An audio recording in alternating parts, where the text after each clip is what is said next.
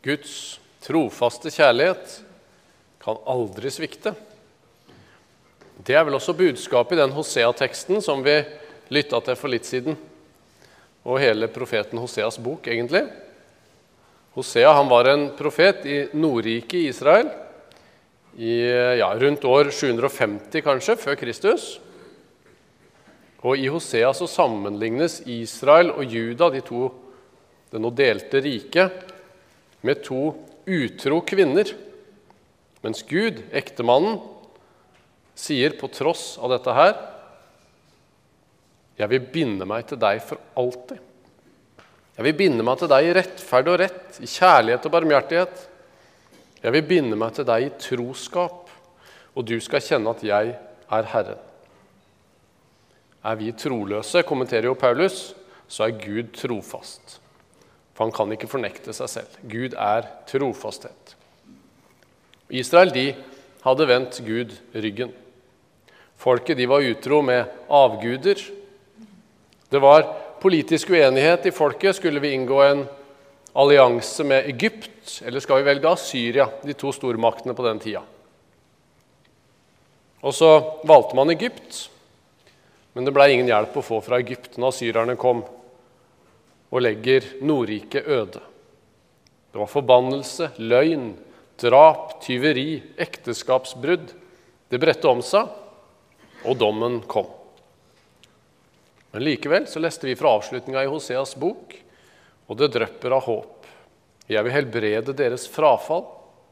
Jeg vil være som dugg for Israel.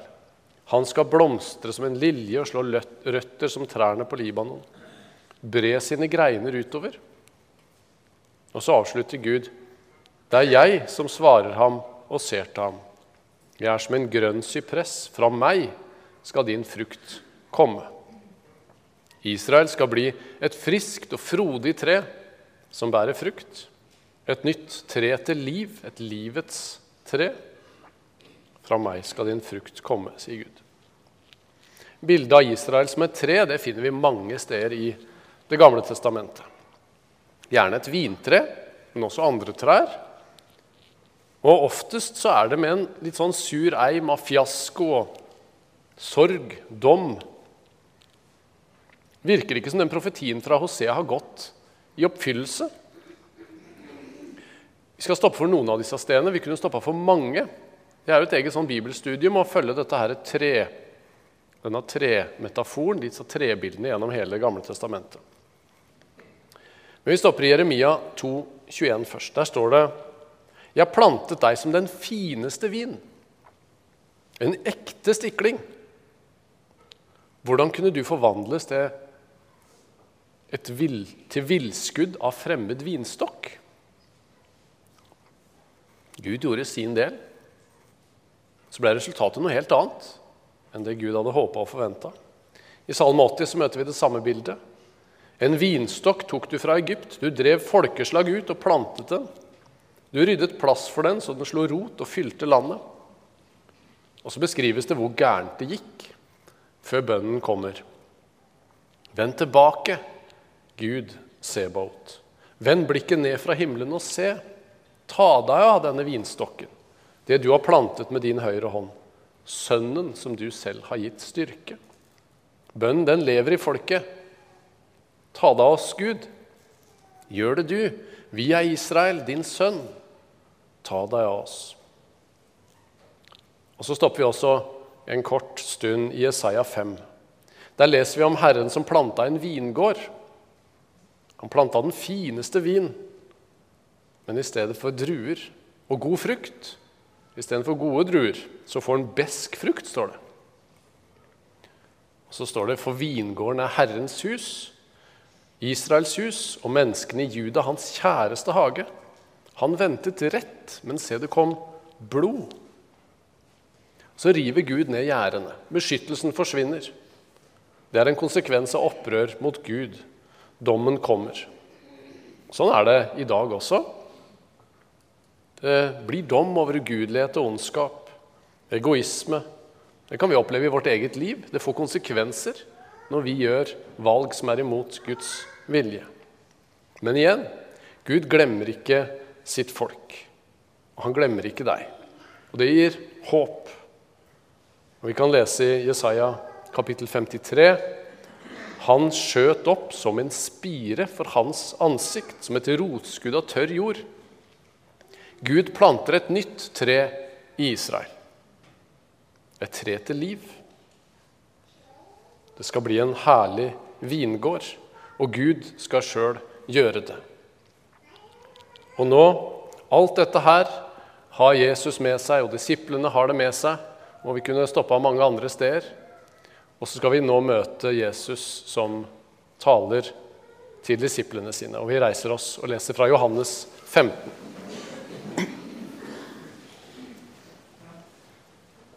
Jeg er det sanne vintre, og min far er vinbonden. Hver grein på meg som ikke bærer frukt, tar han bort, og hver grein som bærer frukt, renser han så den skal bære mer. Dere er alt rene på grunn av det ordet jeg har talt til dere. Bli i meg, så blir jeg i dere. Slik som greinen ikke kan bære frukt av seg selv, men bare hvis den blir på vintreet, slik kan heller ikke dere bære frukt hvis dere ikke blir i meg. Jeg er vintreet, dere er greinene. Den som blir i meg og jeg i ham, bærer mye frukt. For uten meg kan dere ingenting gjøre. Den som ikke blir i meg, blir kastet utenfor som en grein og visner. Og greiner blir samlet sammen og kastet på ilden, og de brenner. Hvis dere blir i meg, og mine ord blir i dere, be da om hva dere vil, og dere skal få det. For ved dette blir min far æret, at dere bærer mye frukt og blir mine disipler. Slik lyder Herrens ord.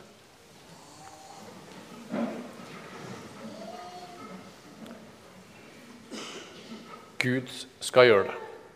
Kanskje går nå Jesus og disiplene forbi tempelplassen, tempelforegården, hvor det er rike utsmykninger av vintrær og druer og alt dette som vi nå, det terrenget som vi er inne i i dette bildet.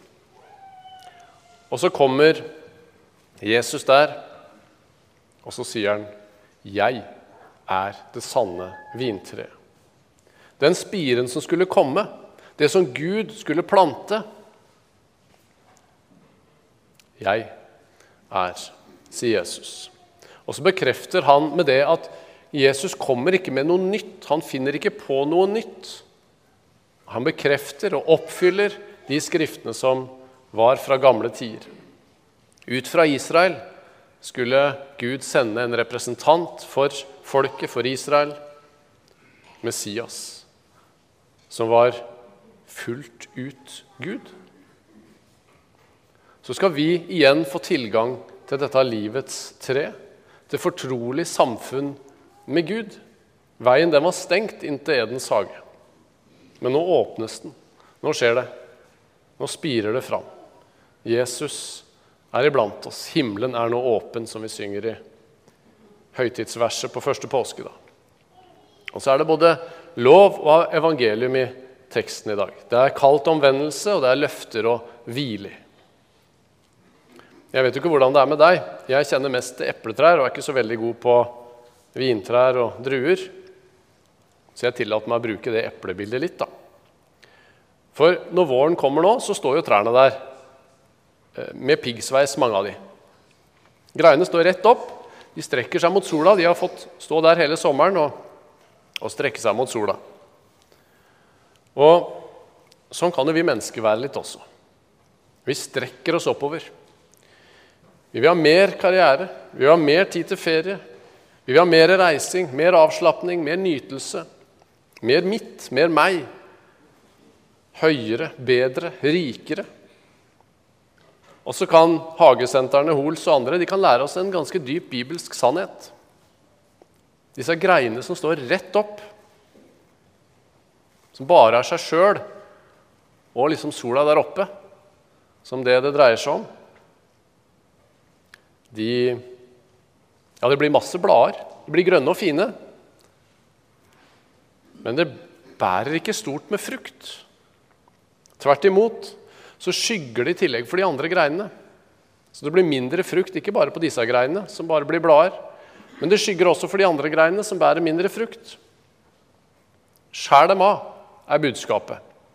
Og det gjør litt vondt noen ganger å stå der og skal ta alle disse fine greinene og kutte de ned, men det er det som visstnok skal gi mest frukt, sier de som har greie på det.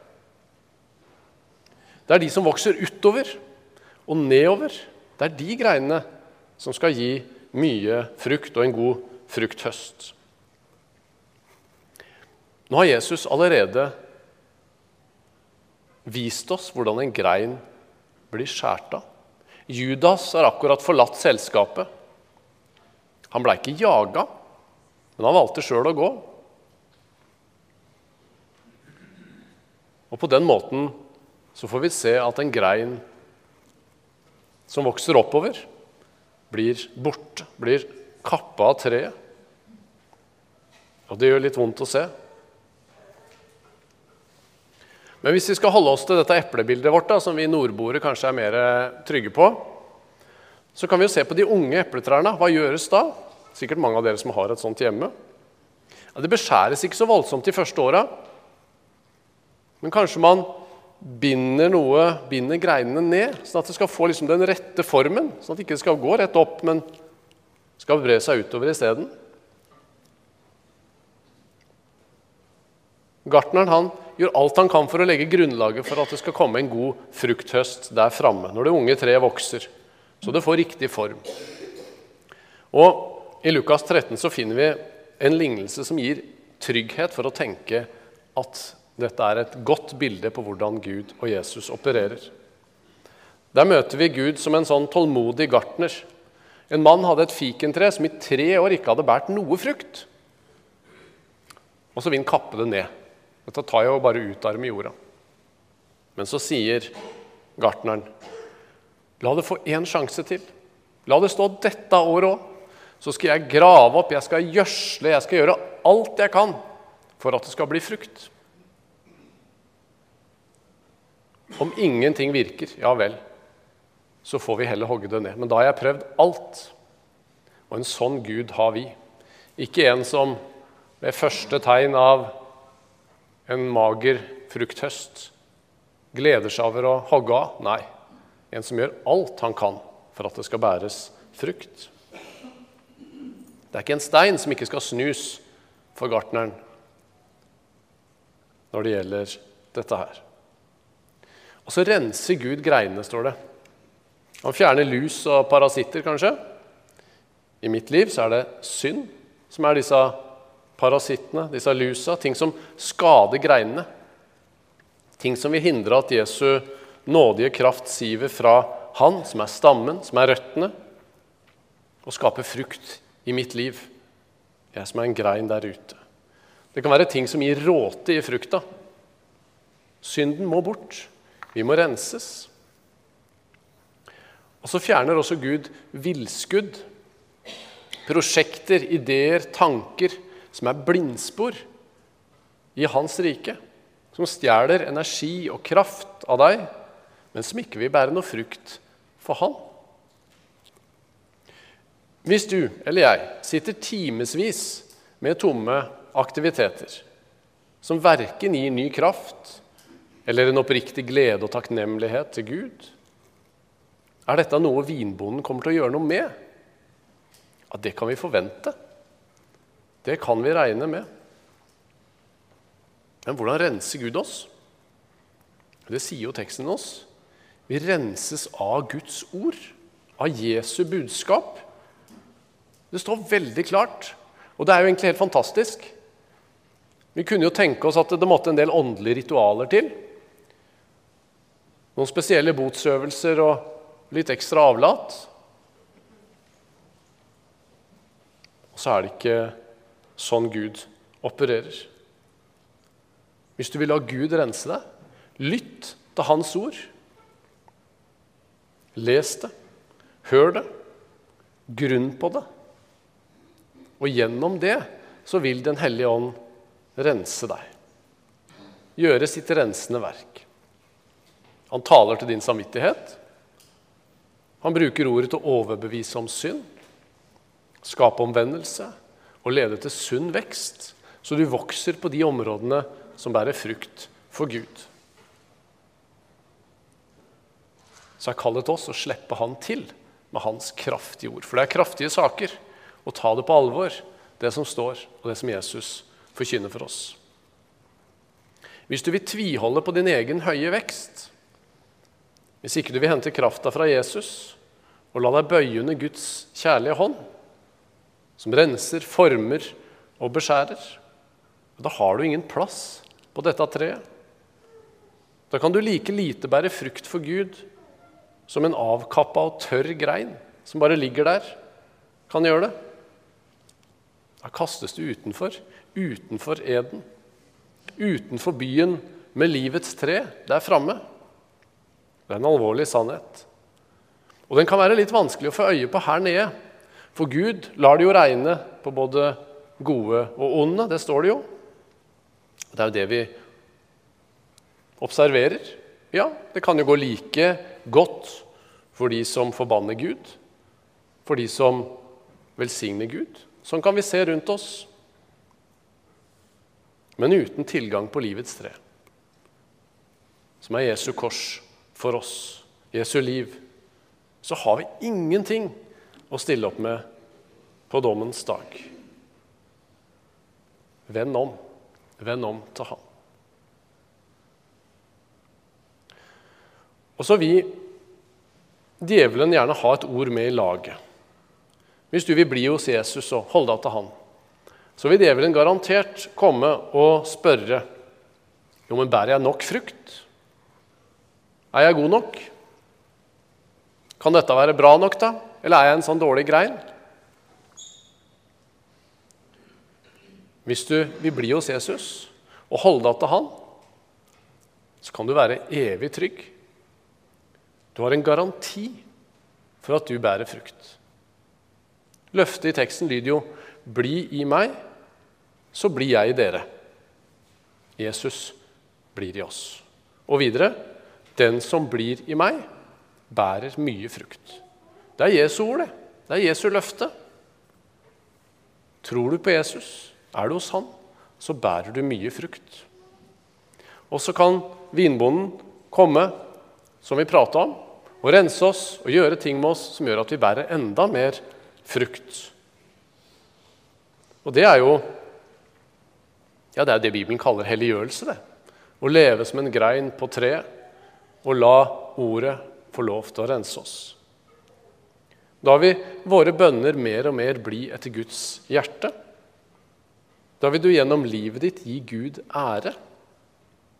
Det er kanskje litt voldsomt, kan du tenke. Her, Vi er jo delk og sånn. Vi er vant kanskje til å stå litt med lua i hånda. Men så sier teksten her at For ved dette blir min far æret, at dere bærer mye frukt og blir mine disipler. Det er jo ikke vi som skal ære oss sjøl, men med vårt enkle liv så kan faktisk Ikke bare kan, så vil vi bringe Gud ære. Det er en fantastisk stor ting.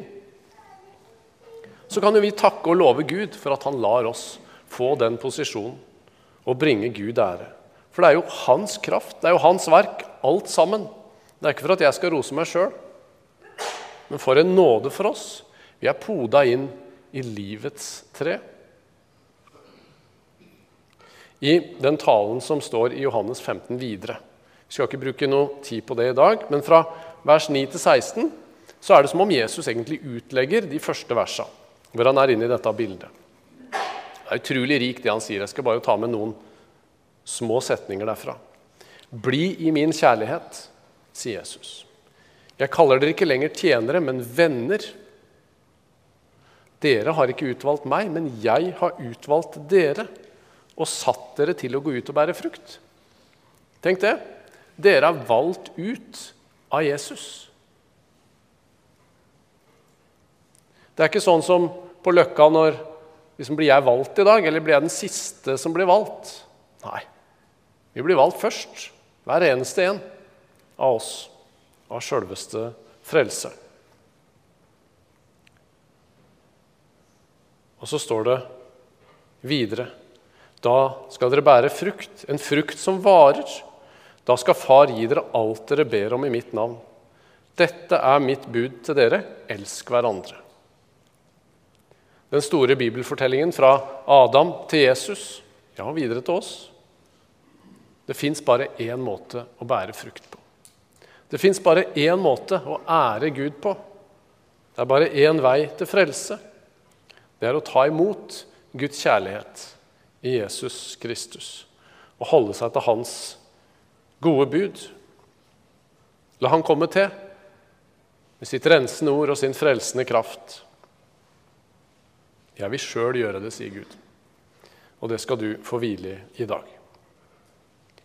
Skal jeg lese et dikt av Heidi Halvorsen og helt til sist i dag, som også handler om et tre. Hvis jeg kunne male, ville jeg malt et tre. Et stort, kraftig tre med sterke røtter som strekker seg mot bekken. Stammen på treet er gammel og ru, greinene store og vide. De strekker seg ut som bydende armer med spirende grønne skudd. Trekronen i treets topp er en håpets og livets krone, med blomsterknopper i hvitt og rosa. Nytt liv i ferd med å vokse fram.